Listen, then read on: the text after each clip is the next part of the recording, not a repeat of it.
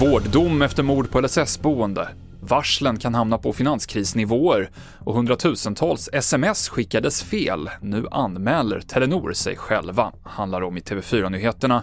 Vi börjar i Turkiet där en sexårig flicka mirakulöst har räddats ur rasmassorna idag, 178 timmar efter jordbävningen.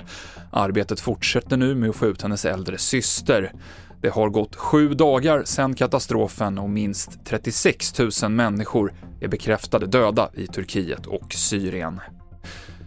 En 21-årig man dömdes till rättspsykiatrisk vård idag för att ha knivmördat en ung kvinnlig anställd på ett LSS-boende i Enköping i höstas. Han har erkänt brottet. Så här säger åklagaren Elin Blank om vad som framkommit om motivet. Ja, det jag presenterade för rätten var dels att han själv har uttryckt att han känt en irritation mot personalen eh, generellt, kanske inte specifikt mot den här flickan. Och sen har han också nämnt någon händelse som skulle ha involverat en tidigare pojkvän till henne som på något sätt har kränkt honom i skolan och det är någon händelse längre tillbaka i tiden.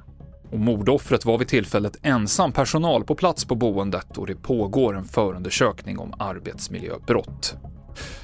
Nästan 13 000 personer har blivit varslade om uppsägning en tredjedel in i februari. Det kan jämföras med 30 000 under hela fjolåret.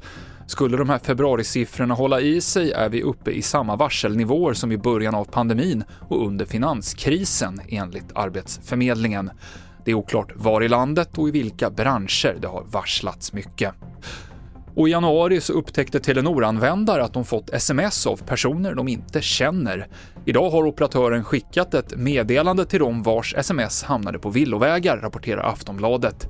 Och det ska handla om omkring 200 000 sms som skickades till fel mottagare. Telenor har anmält sig själva till Post och telestyrelsen med anledning av det här. Det avslutar TV4-nyheterna med Mikael Klintevall.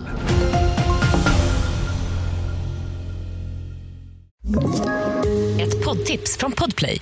I podden Något Kaiko garanterar östgötarna Brutti och jag, Davva, dig en stor dos skratt. Där följer jag pladask för köttätandet igen. Man är lite som en jävla vampyr. Man har fått lite blodsmak och då måste man ha mer. Udda spaningar, fängslande anekdoter och en och annan arg rant.